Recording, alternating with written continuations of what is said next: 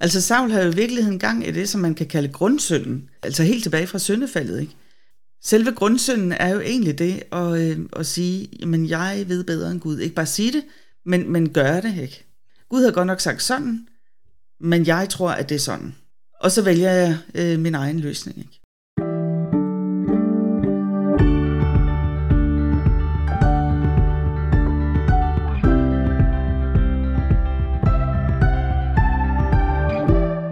Lytter til podcasten Bible Break, en podcast for bibellæseringen. Mit navn er Nikolaj, og jeg er vært for podcasten.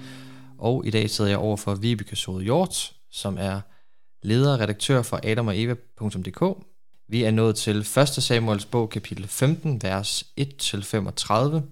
Og inden den her tekst, så er Samuel trådt tilbage, og nu har han ladt kong Saul stå i spidsen for Israels udvikling. Og det er både åndeligt og fysisk, og det kommer vi også til at se lidt på i dagens tekst. Og så har Israel været i krig med nogle filistre, og det kommer vi især også til at tale lidt om, kunne jeg forestille mig. Men øh, lad os starte med at læse teksten. Samuel sagde til Saul, Det var mig, Herren sendte for at salve dig til konge over sit folk Israel.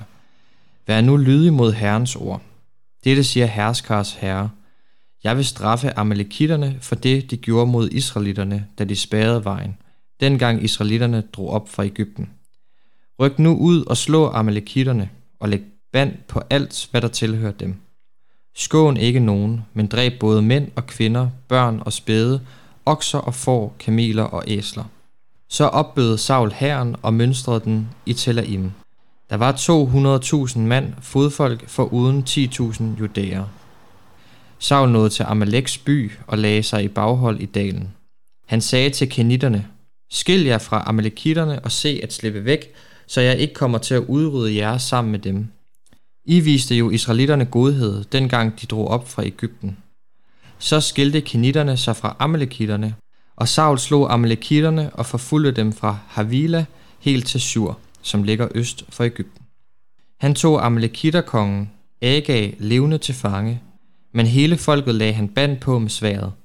Men Saul og hans folk skånede Agag og de bedste får og okser, fede kvæg og lam, ja alt det bedste. Det ville de ikke lægge band på, men alt det dårlige og værdiløse kvæg lagde de band på. Der kom Herrens ord til Samuel. Jeg fortryder, at jeg har gjort Saul til konge, for han har vendt sig fra mig og har ikke holdt min befaling. Samuel blev vred, og han råbte hele natten til Herren. Næste morgen ville han gå Saul i møde, men fik at vide, at Saul var kommet til Karmel og havde rejst et mindesmærke der. Derefter var han drejet af og gået videre til Gilgal. Da Samuel kom til Saul, sagde Saul til ham, Herren velsigne dig, jeg har holdt Herrens befaling. Samuel spurgte, hvad er det så for en brægen og brølen, jeg kan høre? Saul svarede, det er nogle dyr, de tog med fra amalekitterne. Folkene skånede nemlig de bedste får og okser for at ofre dem til Herren din Gud, men resten har vi lagt band på. Ti stille, sagde Samuel, så skal jeg fortælle dig, hvad Herren har sagt til mig i nat.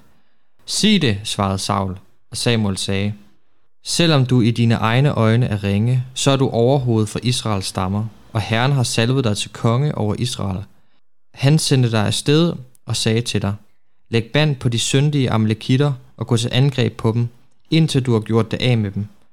Hvorfor adlod du ikke Herren, men kastede dig over byttet og gjorde, hvad der var ondt i Herrens øjne? Saul svarede, Jeg adlod Herren og drog hen, hvor han sendte mig. Jeg tog amalekitterkongen Agag med og lagde vand på amalekitterne. Men folkene tog nogle får og køer af byttet, det bedste af det, der skulle lægges band på, for at ofre det til Herren din Gud i Gilgal. Da sagde Samuel, vil Herren hellere have brandoffer og slagtoffer end lydighed mod Herren? Nej, at adlyde er bedre end offer, at lytte er bedre end væders fedt. Men genstridighed er som spot om synd, trods som afgudstyrkelse. Fordi du har forkastet Herrens ord, har han forkastet dig som konge.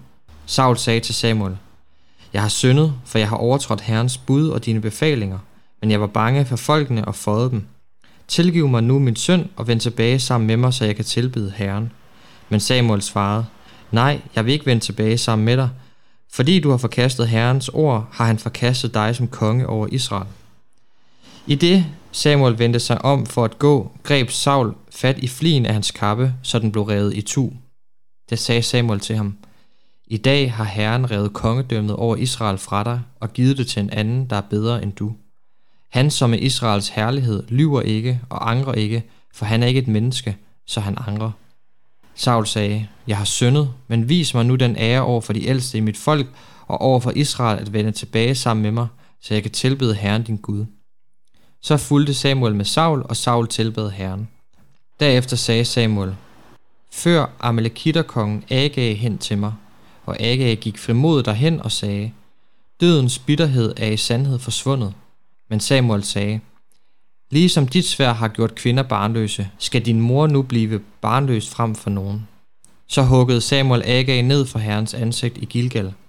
Derefter gik Samuel til Rama, mens Saul drog hjem til Sauls Gibea. Til sin dødsdag så Samuel ikke Saul mere, for han var grebet af sorg over Saul. Herren havde fortrudt, at han havde gjort Saul til konge over Israel. Vibeke, jeg har lyst til først at spørge dig om den her etniske udrensning. Hvorfor tror du Gud, han ønsker at straffe de her folk? Ja, altså det er jo et af de øh, absolut øh, redselsfulde steder. I Gamle Testamente, det, der findes også en del af dem i både øh, øh, Josua-bogen og Dommerbogen. Og det er jo igen et af de steder, hvor man tænker, altså Gud, hvad har du gang i? Og det bliver du simpelthen nødt til lige at forsvare dig selv øh, med det her, fordi alle skal slås ihjel. Altså kvinder, børn, spæde, øh, mænd og okser og dyr, alting. Ikke? Jeg hørte engang en klog mand sige øh, om nogle af de her ting. Der er også i Salmernes bog, er der også, øh, jamen altså Gud slår dem ihjel, mine fjender slår dem ihjel, og alle mulige voldsomme ting. Så sagde den kloge mand der, Guds fokus igennem hele Gamle Testamente, det er, at han har udvalgt en for at frelse alle.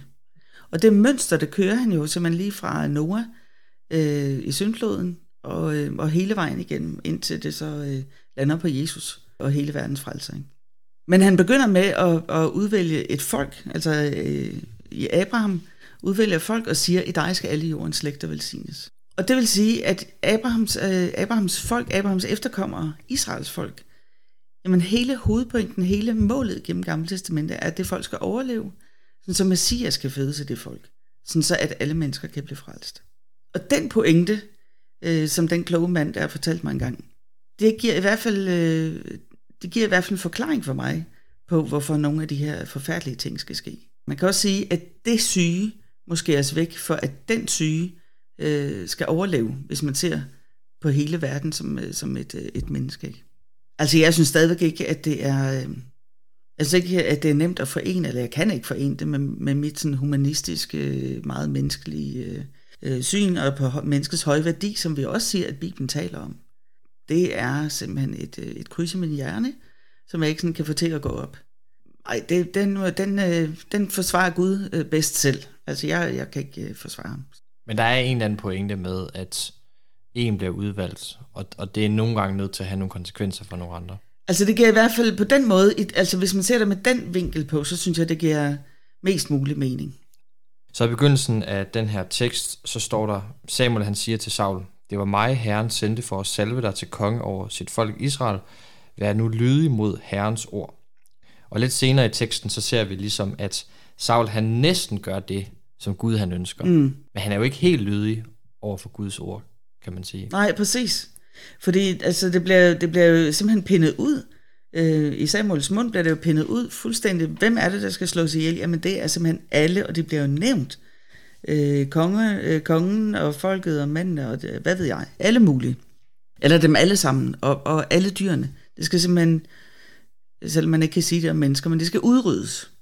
Så, så står der jo netop, at, at Saul han går i spidsen for folket der, og så, så skåner han øh, kongens liv, og så tager de øh, lige de bedste af alle dyrene osv. Og, og jeg synes, der er altså en rigtig, øh, der er en rigtig sjov ting, hvor Samuel han kommer øh, og siger til Saul, øh, hvordan gik det egentlig med det der? Og så siger Saul, jamen øh, herren velsigne dig, det er vers øh, 13. Herren velsigne dig, jeg har holdt herrens befaling. Og så siger Samuel bare sådan fuldstændig tørt, ikke? Nå, hvad er det så for en bræn og brølen, jeg kan høre? Det er bare enormt morsomt. Sarkastisk. Nej, men altså, øh, det var faktisk folkene, der gjorde det, siger Sauter. så. Ikke? Så begynder han simpelthen at bortforklare, hvorfor har han egentlig gjort det der? Ja, men det var, altså egentlig var det ikke mig. Det var mine folk, der gjorde det. Øh, og, og vi tog kun det bedste. Og det gjorde vi jo så, fordi at vi ville ofre dem til Herren, din Gud, siger han. Så han gør jo næsten det, der er rigtigt. Vi er faktisk tilbage ved, øh, ved øh, Samuel sønner, som bøjer retten. Han gør næsten, hvad Gud han siger. Men så laver han lige sin egen fortolkning og siger, øh, nej, men altså, det er jo Gud Herren, og ham skal vi tilbe, ham skal vi ofre til, og, og han skal selvfølgelig have det bedste. Så, så det er sådan, vi gør det. Men Samuel må bare sige, at det var ikke det, Gud bad dig om. Og for mig er det øh, en rimelig stærkt, altså rimelig øh, stærkt spejl igen på, øh, når jeg begynder at tolke på, på hvad Gud har sagt, og så, øh, og så synes, at det skal, det skal passe sammen med det, jeg har lyst til, skal passe sammen med, øh, med noget, som bedre passer ind i mit liv. Og hvis jeg så ovenkøbet giver det en from forklaring, så, så kan jeg jo godt bilde mig selv og andre ind, men det er jo det er sådan, det skal være. Men alvoren er bare, at det er det måske ikke, rent faktisk. Ja, fordi som vi har talt om tidligere, så er der den her grænse mellem, mellem Gud og menneske. Og den bryder Saul på en eller anden måde. Fordi selvom man godt kan følge hans logiske resonemang, mm. altså hvorfor det er, han gør det her, mm. så adlyder han jo ikke sådan helt konkret Guds befaling, altså Præcis. Altså Guds ord. Altså Saul har jo i virkeligheden gang i det, som man kan kalde grundsynden, altså helt tilbage fra syndefaldet, ikke?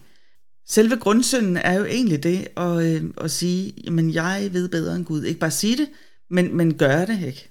Gud har godt nok sagt sådan, men jeg tror, at det er sådan. Og så vælger jeg øh, min egen løsning, ikke?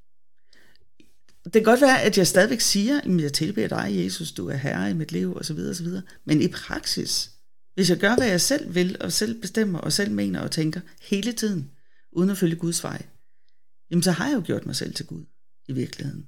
Og, og det er bemærkelsesværdigt, at, øh, at Saul i hvert fald mindst to gange siger øh, til Samuel, jeg vil gerne gå med hen og tilbe Herren, din Gud. Jeg vil ofre til Herren, din Gud. Det er mig, der lægger trykket på din. men men øh, altså havde, havde Saul nu været et, øh, et troende Guds menneske, kan man sige. Fromt menneske. Et fromt menneske. En sand troende. Så, så havde han jo sagt, jeg vil gerne hen og tilbe Herren, min Gud. Men, men Gud er kommet på afstand, fordi han selv er gået ind og har, øh, har gjort sig klogere end Gud, kan man sige. Ikke? Øh, og gjort sig selv til Gud. Det er mig, der vil bestemme, hvad der er rigtigt og forkert. Også i forhold til Gud. Så jeg har lyst til at spørge dig om en ting i teksten, som jeg synes er meget relevant for, hvis man gerne vil sætte den, den her tekst med sådan helt konkret med ud i hverdagslivet. Mm. Fordi i vers 22 og 23, der står, der sagde Samuel, vil Herren hellere have brandoffer og slagtoffer end lydighed mod Herren? Nej, at adlyde er bedre end offer, at lytte er bedre end veders fedt. Men genstridighed er som spot om synd, trods som afgudstyrelse. Fordi du har forkastet Herrens ord, har han forkastet dig som konge. Hvad ligger der i det her med ritualerne og fromheden i forhold til vores kristenliv? Altså det her, de her vers er jo simpelthen øh, helt vilde, især hvis man lige har læst 3. Mosebog, som er side op og side ned af forordninger om offringer og lov og regler for ditten og datten og dutten. Øh, men jo ikke mindst, altså hvad skal der foregå i templet? Templet er stadigvæk ikke bygget, men de har åbenbaringsteltet, øh, og de er fuld gang med de daglige offer og syndoffer, og jeg skal komme efter dig alt muligt. Masser af ritualer. Så kommer han simpelthen her, Samuel, og siger på Guds vegne, jamen øh, pak sammen med det, fordi øh, det vil Gud i virkeligheden slet ikke øh, have. Eller han, han vil i hvert fald, hvis man vender det rundt, så siger han, Herren vil hellere have lydighed end brandoffer og slagtoffer. Det er jo selvfølgelig på baggrund af, at, at Saul jo lige nøjagtigt ikke har adlydt Herren. Men det bliver på en eller anden måde sådan mønster for, og, og det som hele, øh, eller alle gamle testamentets profeter gentager. Altså jeres fromhed, jeres øh, gudstyrkelse, alle jeres ritualer, alle jeres fine ting og sager, dem øh, opfylder I, og det gør I helt rigtigt og sådan noget, men i praksis lever I simpelthen uden Gud. I følger fuldstændig jeres egne tanker om, hvordan I vil leve. Og det kan man bare øh, få bekræftet ved at læse hele resten af Gamle Testamentet. Øh, så er der bare side op og side ned af det. Og hvordan kommer det sådan helt konkret til udtryk, tænker du, i vores eget kristne Lige præcis. I, I mit eget liv, så er det jo igen det med, altså hvordan forholder jeg mig til Guds ord, og til det, han øh, siger er rigtigt og forkert, øh, og synd, for nu bare at bruge det bibelske udtryk. Ikke? Hvad er det, der er i mit liv, som er synd mod Gud, og som skiller mig fra ham? Er det, at jeg ikke, går, øh, at jeg ikke læser min bibel hver dag, at jeg måske ikke kommer til gudstjeneste hver søndag, at jeg ikke giver øh, tilstrækkeligt meget til missionen, eller et eller andet? Eller er det noget andet, hvordan jeg lever mit liv i det hele taget? Ikke? Bibelen er rigtig meget optaget af faktisk, hvordan vi er over for vores næste. Og, og det er i hvert fald det, som, som, øh, som jeg tager ind over mig som tanker øh, i mit eget liv. jamen er det en hel masse ting, jeg gør, eller som jeg ikke gør, som, som øh, giver mig det rette forhold til Gud? Eller er det, øh, at jeg adlyder Gud, det vil sige, når han siger, at, øh, at øh, altså ved sin helligånd siger, du skal tro på Jesus, øh, for ellers går du fortabt. Når han siger, elsk den næste som dig selv. Når han siger, du skal elske Herren din Gud af hele dit hjerte, sjæl, sind og styrke. Altså lytter jeg til Guds ord og gør, hvad han siger? Eller gør jeg alle de rigtige ting, som jeg har lært, siden jeg var helt lille? Hvad er det, der gør mig kristen? Det er egentlig det, det er faktisk der, øh, spørgsmålet ligger. Ikke? Og det synes jeg er en, en god udfordring til os alle sammen, som vi skal tage med ud i vores hverdagsliv, i vores møde med vores næste. Lad os slutte på det. Husk, at du kan følge Bible Break ved at gå ind på din podcast tjeneste og trykke følg. Og øh, husk at dele podcasten med andre, hvis du kunne lide det, du hørte. Vi lyttes ved i næste afsnit.